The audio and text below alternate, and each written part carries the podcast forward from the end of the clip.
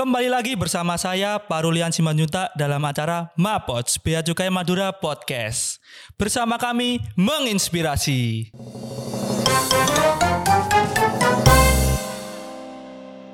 Episode kali ini adalah sebuah episode yang menurut saya episode yang spesial karena kita kedatangan eh, seorang narasumber atau seorang tamu yang eh, secara dilihat dari penampilan sangatlah berbeda dengan tamu-tamu sebelum-sebelumnya. Nah, mungkin langsung saja eh, kita sapa tamu spesial kita atau mungkin bisa disebut apa ya? The man behind the mask, pria di balik topeng. Halo Mas. Halo Pak. Ya, eh, ini saya manggilnya gimana Mas? Mas aja Mas ya. Mas aja, Ya. Baik Mas kabarnya ya. Alhamdulillah sehat. Ah. Alhamdulillah. Oke. Eh dengar-dengar dulu itu Mas yang eh, apa ya enaknya manggilnya susah saya Mas. Mas Mr. X Mr. nggak X ya, ya. Mr. X. ah.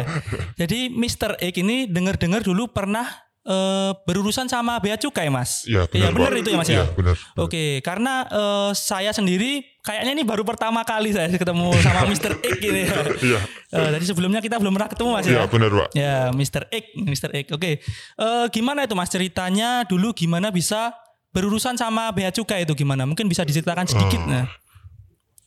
Itu kejadiannya di tahun 2018 itu kalau tidak salah bulan Agustus. Ya. Ah, waktu itu saya memasarkan hanya SKT Kretek Hmm, di Makassar, Kendari. Kendari ya. Ya, waktu itu dari Kendari agen itu agen itu meminta untuk rokok SKM.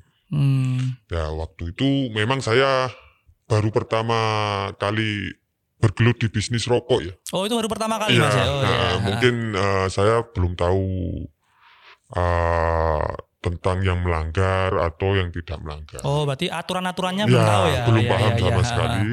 Eh, akhirnya permintaan agen sana, Makassar Kendari sana, saya kirim Hmm, SKM. Waktu itu pabrik saya mungkin belum memiliki mesin. Oke ya. Iya.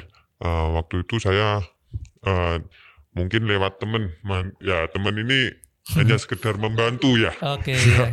Akhirnya di di eh, di maksudnya digiling lah ya Ya. Eh, untuk menjadi batangan. Waktu itu saya simpan di gudang, saya kirim 15 karton di Makassar.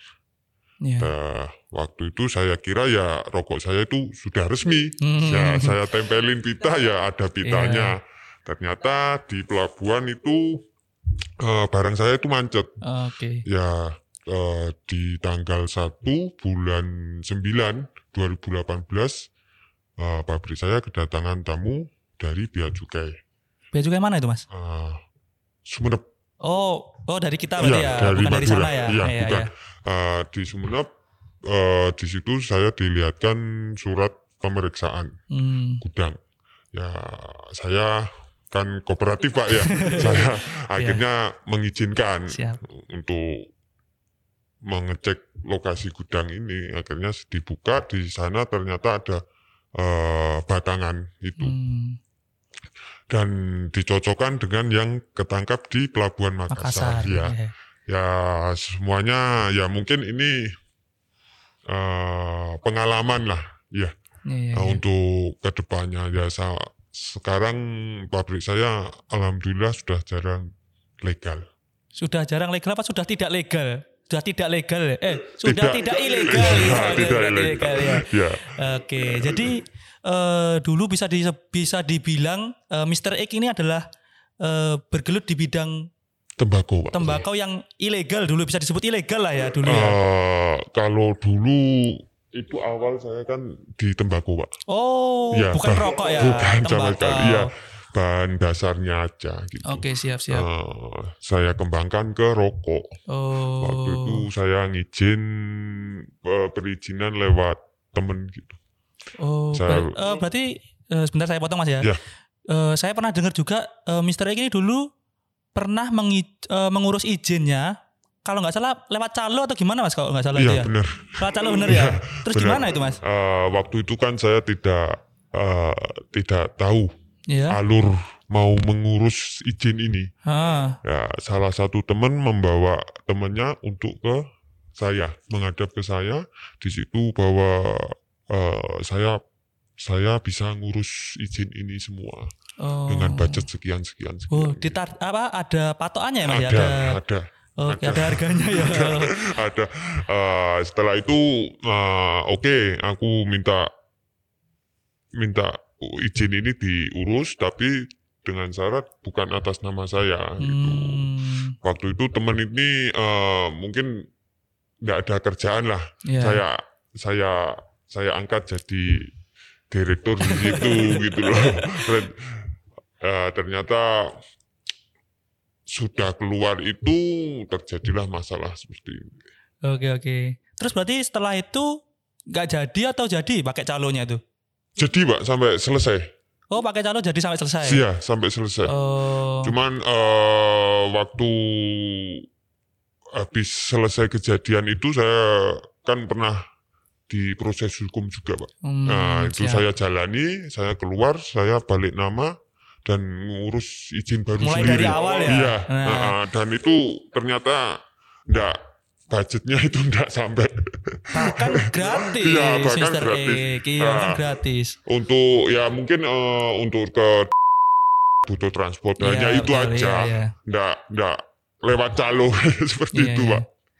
Nah, menurut Mr. Ek ini sebenarnya mudah atau tidak sih mengurus izinnya di Bea Cukai itu? Sangat mudah. Sangat mudah Iya, ya. sangat mudah. Oke, untuk misalnya eh, belum tahu alurnya kan bisa WA ya kalau Iya, di kantor bisa. kami ya bisa WA, tanya-tanya eh, syaratnya apa aja, itu kan pasti dibimbing kan ya. Iya, pasti, nah Pak. itu Sangat jadi- mudah, Pak. kayaknya calo-calo itu udah nggak nggak perlu.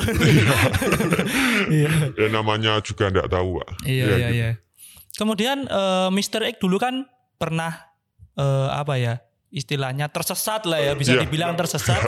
Kemudian sekarang sudah mengurus eh, pabriknya dengan legal, Legal. secara resmi. Nah Iya. itu ada perbedaan nggak yang dirasakan? Gimana misalnya dulu rasanya oh apa rasanya takut atau deg-degan gitu sekarang Oh. gimana atau gimana? ada kepuasan sendiri ya Oke, kayak Pak. ya. ya seperti eh, rokok saya ini resmi ini bisa bersaing dengan pabrik-pabrik atas Hmm ya betul betul betul. Ya untuk ya emang beda pak kalau kita ilegal ya harus sembunyi-sembunyi ya tidur aja nggak enak itu paling Gak tenang ya. betul betul betul. Eh, kemudian eh ada pesan-pesan nggak buat apa ya bisa dibilang eh, pengusaha rokok atau teman-teman yang masih berkecimpung di yang tersesat tadi, Mr. X. Misalnya yang masih ada yang ilegal itu mungkin ada pesan-pesan buat mereka. untuk pabrik-pabrik yang masih berkecimpung di eh, ibarat di ilegal ya Ya, ah, saya harap eh, untuk menjadi legal ya. seperti itu. Karena legal itu tidak susah ya, Ya, sebenarnya mudah sebetulnya dan mudah. biayanya sangat minim atau bisa dibilang Iya. gratis lah ya kalau ngurusnya. Paling kan akomodasi. Iya. Nah, kemudian untuk pesan-pesan mungkin ada pesan-pesan untuk bea cukai Madura, mungkin masukan untuk bea cukai itu seperti apa? Mungkin ada yang mau disampaikan? Eh, untuk bea cukai Madura eh, saya rasa sudah bagus Iya. penindakannya banyak bagus juga Iya, iya. sudah Eh, untuk bea cukai Madura ya semoga lebih baik di ke depannya Amin. Semoga bisa memberi pelayanan yang lebih maksimal lagi ya Mr. X ya. Nah, Tretan, baru saja kita dengarkan cerita dan pengalaman dari Mr. X, pria di balik topeng hitam yang dulunya adalah seorang pengusaha rokok ilegal, sekarang sudah beralih menjadi pengusaha rokok legal. Di situ menjelaskan bahwa Bea Cukai Madura serius dalam mengawasi peredaran rokok ilegal serta melindungi masyarakat dari peredaran rokok ilegal. Mungkin mapot sekali ini cukup sampai di sini. Jangan lupa like, comment, dan subscribe. See you on the next video. Bye-bye.